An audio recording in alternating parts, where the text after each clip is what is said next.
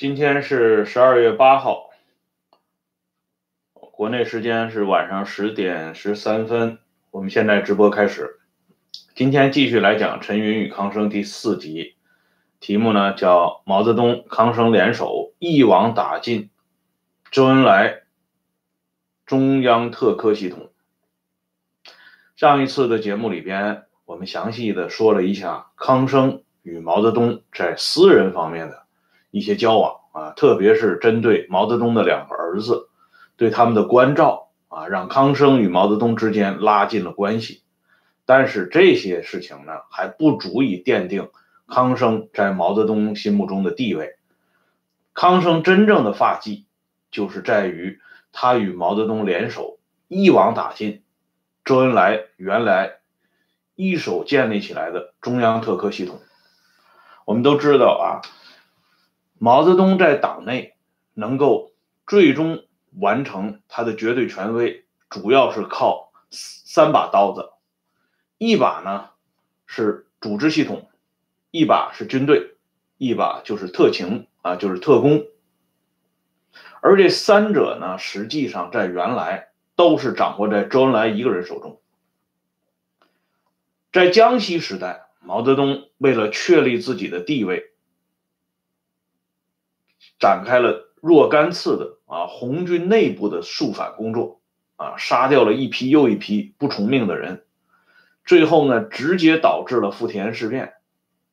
但在整个红军肃反时期，毛泽东仰仗的就是周恩来，周恩来是毛泽东背后的擎天玉柱，啊说白了，周恩来那个时候是毛泽东的后台老板，所以毛周一直是处在。一个非常愉快的合作状态，一直到遵义会议发生。啊，遵义会议呢是一次变相的政变和夺权。如果不是打通了周恩来这条关键的渠道，那遵义会议是不可能开的那么顺利的。毛泽东也不会被那么顺利的请回中央书记处，成为啊新的领导集体的核心级人物。然而呢，事情总是变化的，啊，毛泽东不是经常说过那句话吗？搬起石头砸自己的脚。这种蠢事儿啊，啊，不光发生在刘少奇、林彪他们身上，同样也发生在周恩来身上。而且周恩来应该说是第一个搬起石头砸自己脚的人。他辛辛苦苦把毛泽东扶上战马，并且送了一程。可是当毛泽东，开始逐渐品尝到最高权力的滋味以后，他不准备再放弃了，所以毛泽东的首选目标就是对准了周恩来，要全面的肢解和抢夺周恩来手中的权力果实。那么毛呢是多管齐下，啊，之前的节目我们已经讲到了，陈云和毛泽东一拍即合，毛泽东利用。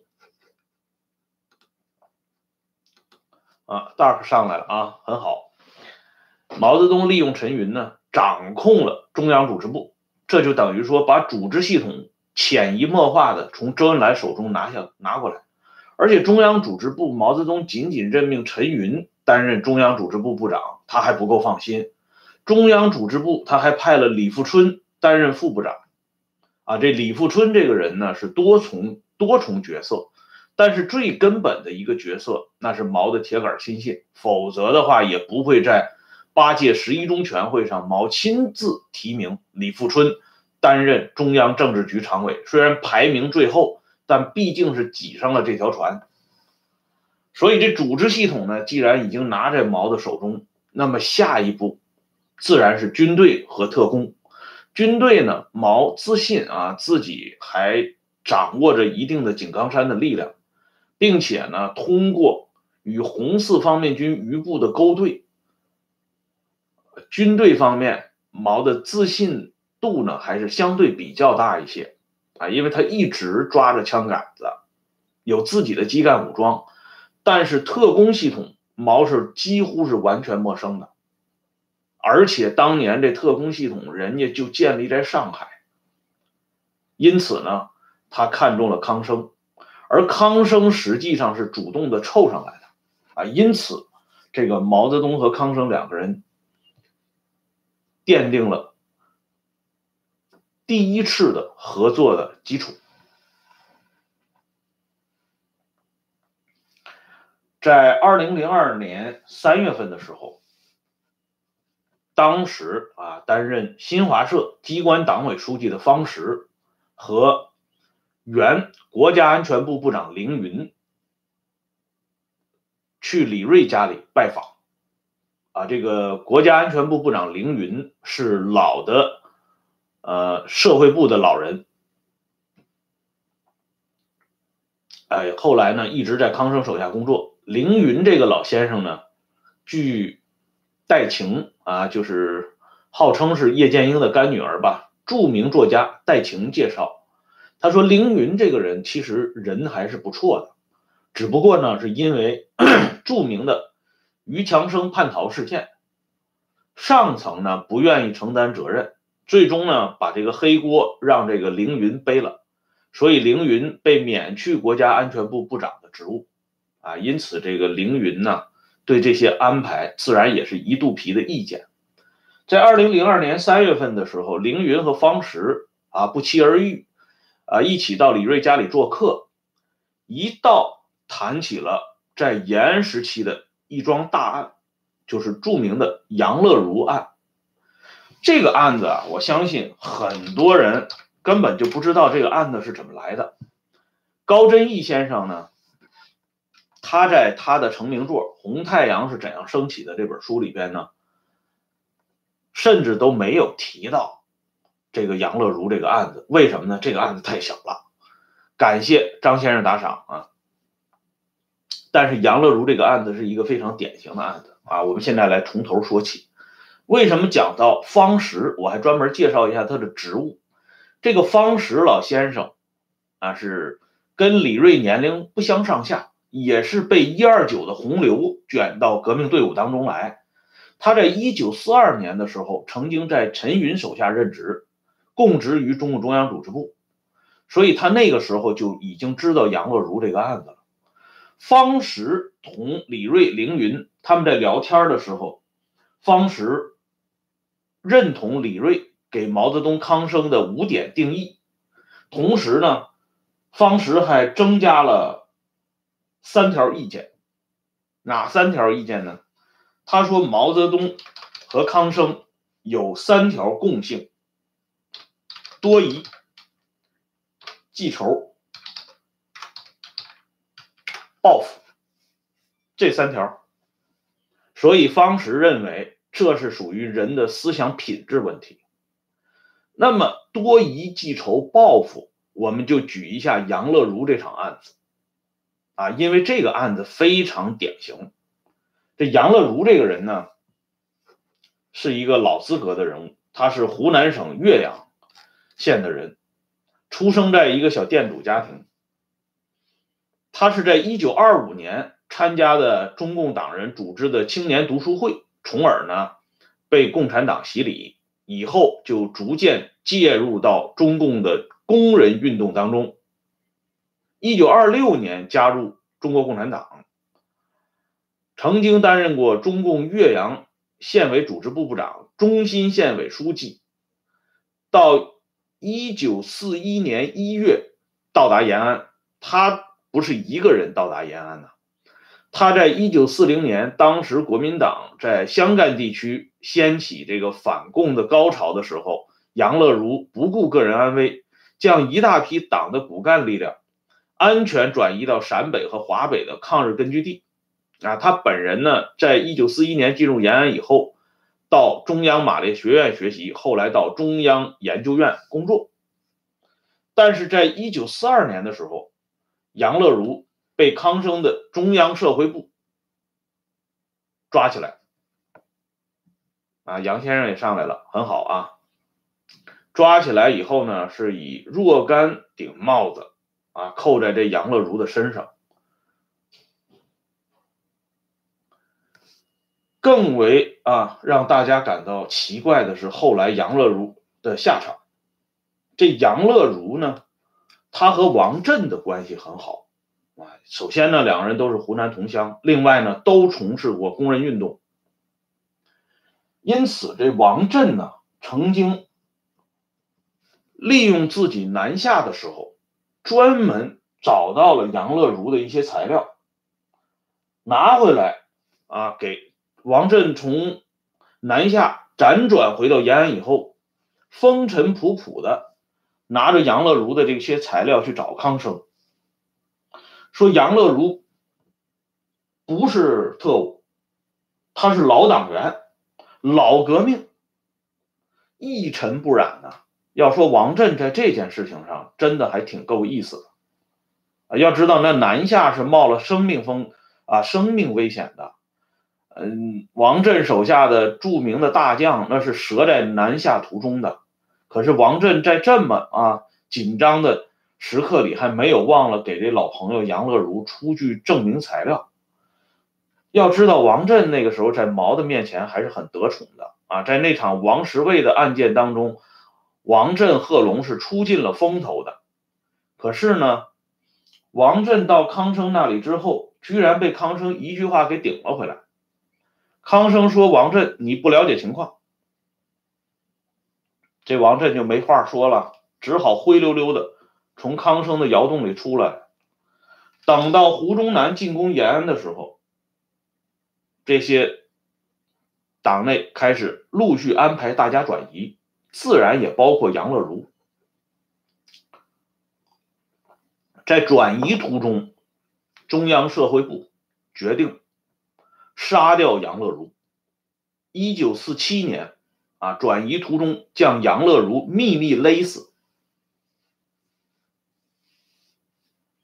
这里呢，我要跟大家详细说一下，为什么不厌其烦的讲杨乐如的死呢？因为这个跟我们刚刚结束的一个系列专题。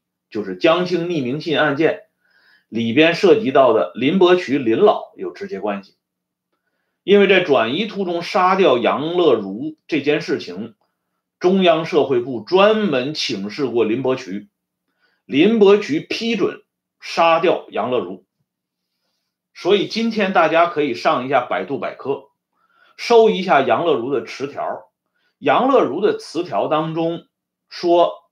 是康生下令把杨乐如杀掉的，不准确。真实的回忆是原国家安全部部长凌云口述。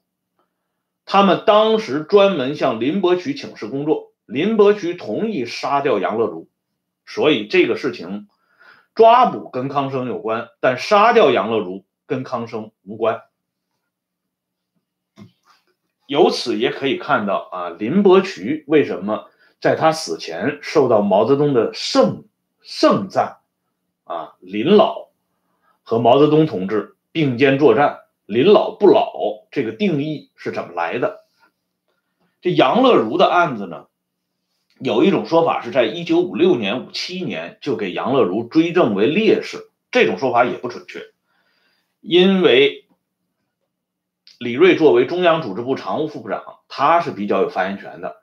杨乐如的案子，直到一九八零年以后才予以全面的平反。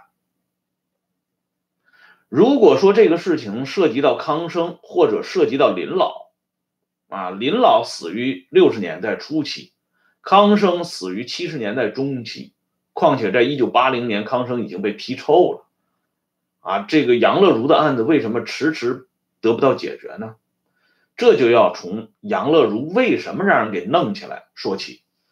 杨乐如之所以让康生社会部抓起来，根本的原因就在于杨乐如在背后说了一句评价毛泽东的话。这句话到底说的是什么呢？现在已经查不到原始出处了。但是有当事人回忆，杨乐如说了一句啊评论毛泽东的话。在他说过这句话之后的第十二天里，中央社会部来人把杨乐如抓走。从这个例子里边，我们就可以看到，刚才啊，我给大家解读的方石原新华社机关党委书记方石给毛泽东和康生两个人的共性的定义：多疑、记仇和报复。啊，这六个字说的是很有意思的啊。这是杨乐如的案子。说明了，在延安审干抢救运动当中，相当一部分老革命、老知识分子或者是新知识分子进入到革命阵营之后，悄无声息的突然失踪，或者在转进的途中被暗中的杀掉，啊，其全然呢，都是从这六个字上可以找到部分答案的，啊，谢谢这位朋友打赏啊。那么下面呢，我们再讲一下今天话题的重点，那就是毛泽东和康生是如何联手，将周恩来辛辛苦苦组建的中央特科系统拿到手里。这里呢，要给大家讲另外一个案子，这个人呢，大家恐怕也不是特别熟悉。他叫贺昌炽啊，炽热的炽。但此此人呢是大大的有名啊，可惜呢这个老同志呢连一张个人宝贵照片都没留下来。一九八九年啊，在苏联覆灭的前夕，苏联最高苏维埃主席团通过一项法令。由当时兼任苏联最高苏维埃主席团主席的戈尔巴乔夫签署生效。这个法令是什么呢？法令就是给这位叫贺昌炽的老先生正式平反的文件。啊，要大家看一下啊，这么一个老先生，他的平反居然惊动了苏联最高苏维埃主席团。可见这个人的来头之大。他最大的来头是在一九三五年三月的时候，奉共产国际的指令，重建上海中共中央局啊，就是上海中央局。共产国际派定刘仲华、贺昌炽和。普化人三个人组成上海中央局，因为上海中央局经过李竹生和盛宗亮的叛变以后，早已支零破碎，既不能承担共产国际交付的指令，也无法将共产国际的指令迅速的向各个苏区、各个根据地进行全面的传达，因此这个联络站呢需要重组。共产国际就把这目光锁定在这三个人当中，其中呢，贺昌炽是被赋予重任啊。我给大家念一下共产国际当时给贺昌炽的指令：贺昌炽呢，负责领导白区交通局、军委、武装、自卫党团组织，同时负责恢复中央组织部，并与领导满洲、河北、察哈尔、绥远、陕西、山西的。中共驻北方代表取得联系，而临时中央局机关就设在贺昌炽的家里。贺昌炽呢，经过一个多月的时间，这个人工作能力相当强，啊，将原有的组织关系完全恢复。这样呢，这个响当当的上海中央局，同白区的苏区的组织呢。都取得了联系啊，比如说临时中央局向河北输送军械，加强同北方代表的联系。中央局派交通局局长刘作甫啊，这刘作甫这个人名，希望大家记一下啊，马上会告诉大家，在他的身上又发生了什么事情。这刘作甫呢，任陕西的领导工作，为陕西省委输送无线电台和武器。此外呢。还派鄂豫皖的交通到陕南红十五军当中，给他们送去电报密码，通过他们将密码送到了川北的红四方面军手中。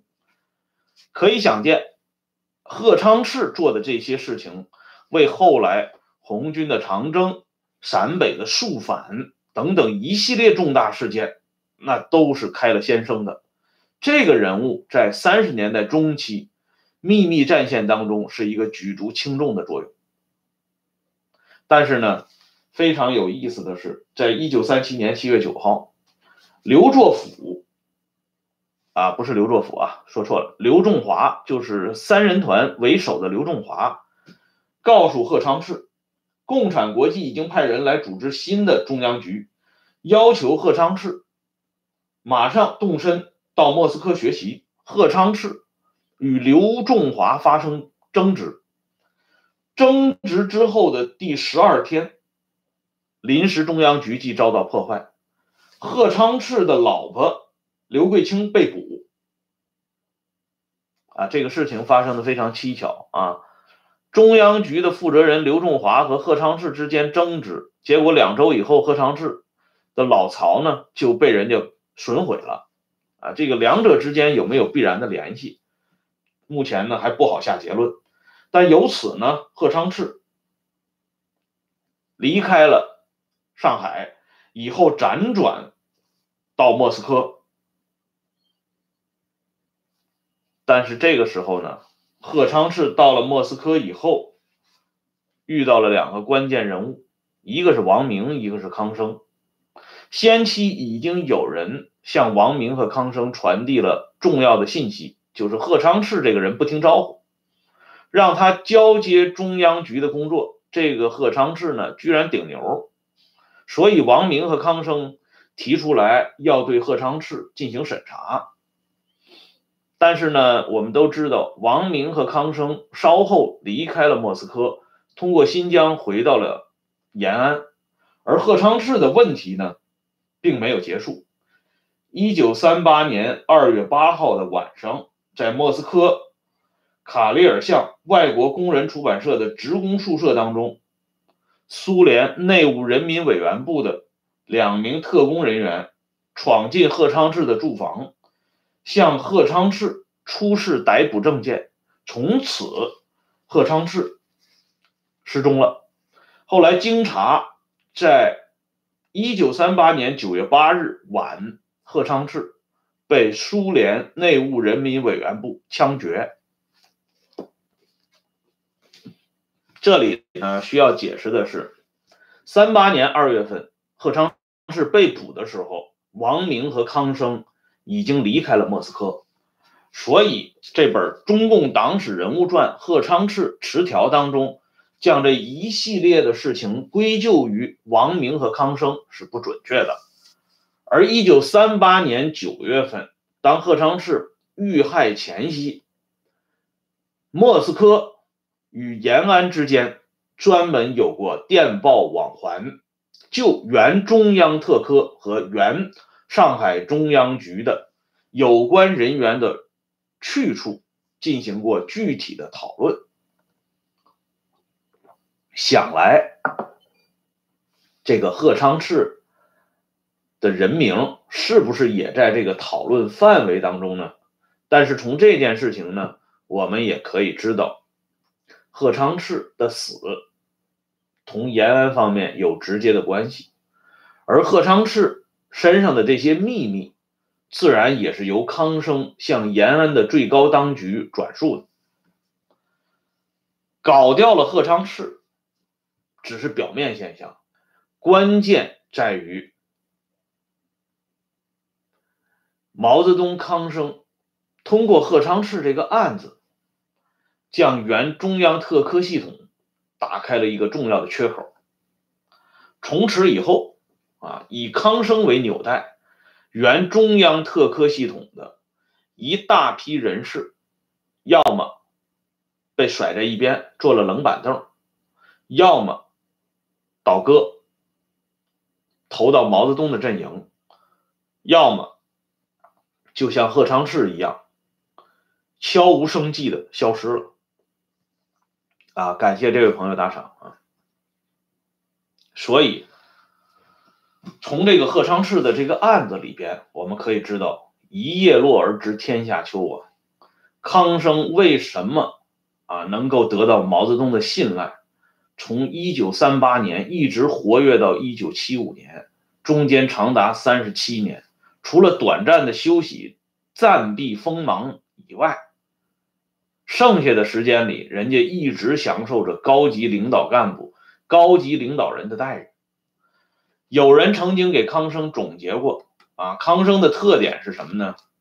这个人是进气内敛、心黑手狠、善解人意、一往无前。这十十六个字，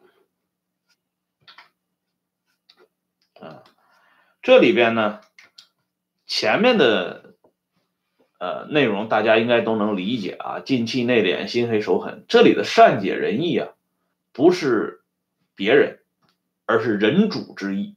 所以说，这个人是最能摸清楚老大是怎么想的，并且呢，在出了事情以后，康生是第一时间替老大背黑锅，从来不做解释。啊，这个人就是这样一个人，所以呢，他的受宠，他的遭到重用，那是在情理之中了。而且更有意思的是，通过 对原中央特科系统的清洗呢，康生非但没有动摇他原来的地位，反而进一步的得到强化。这里呢，我顺便说一下，这个贺昌炽被捕的时间，正好是周恩来在武汉期间，三八年二月。当时周恩来没有在延安，周恩来是一九三八年二月二十四号才返回延安的，所以呢，康生在延安同共产国际之间的勾连，以及康生背后的那个主使者指使康生对贺昌炽这个案子进行最后的拍板儿，恰恰是周恩来不在延安的时候。当然，周恩来回来以后。对此也不会有什么特殊的表示，啊，只能承认继承事实。那么刚才呢，我还向大家讲了一个人物，就是在贺昌炽主持上海中央局的时候，他派定到陕西担任负责人的刘作甫，曾经取代过吴德峰担任中央交通局局长。这个刘作甫这个人，他是一个重要的人证。他是富田事变整个前因后果唯一留下的一个活口，可以说是中央特科系统的硕果仅存者。但是这个人呢，对于党来说，他的作用暂时还没有磨灭，因此呢，党组织一直容忍刘作甫同志活到了一九六七年。啊，给他安排到了西南局中央呃西南局书记处书记的职务。刘作甫这个真名呢，很多人就不知道了。大家知道的另外一个名字叫陈刚啊，他在西南局书记处担任书记的时候的名字叫陈刚。这位刘作甫化名陈刚的人，在一九六七年终于被党组织唤醒了啊，党组织终于想起了这个人。因为这个人知道的事儿太多了，他从江西的富田事变肃反，一直到贺昌炽的案件的发生发展，这个陈刚他都清楚。那怎么办呢？于是，一九六七年这一年当中，陈刚被立了专案了，陈刚同志接着就被迫害致死了。于是呢，富田事变这件事情。就此，留给人们的线头就越来越少，以至于几乎绝迹。而前面我说到的贺昌炽的这个案子的一个另外的重点，在于贺昌炽本人也曾经掌握了富田事变的一部分真相，所以这样的人呢，即使没有假苏联内务部之手将其除掉。即便是此人能够平安的回到延安，他会不会也像啊刘作甫或者是叫陈刚这位同志一样，在文化大革命当中被迫害致死呢？想来也是题中应有之意。好了，今天呢，通过讲述杨乐如案、贺昌志案，以及捎带着介绍了一下刘作甫、陈刚同志的出处，我们把毛泽东、康生联手。对原周恩来所属的中央特科系统的摧毁，或者是局部的得逞，做了一个简单的总结。感谢这几位朋友的打赏啊！感谢这些朋友们上来收看和收听《温相说党史》，欢迎大家继续关注这个节目。明天呢，我们继续来讲这个中央特科啊，关于陈云和康生他们之间的关系又有一个新的发展，就是在延安。好了，我们明天接着聊，再见。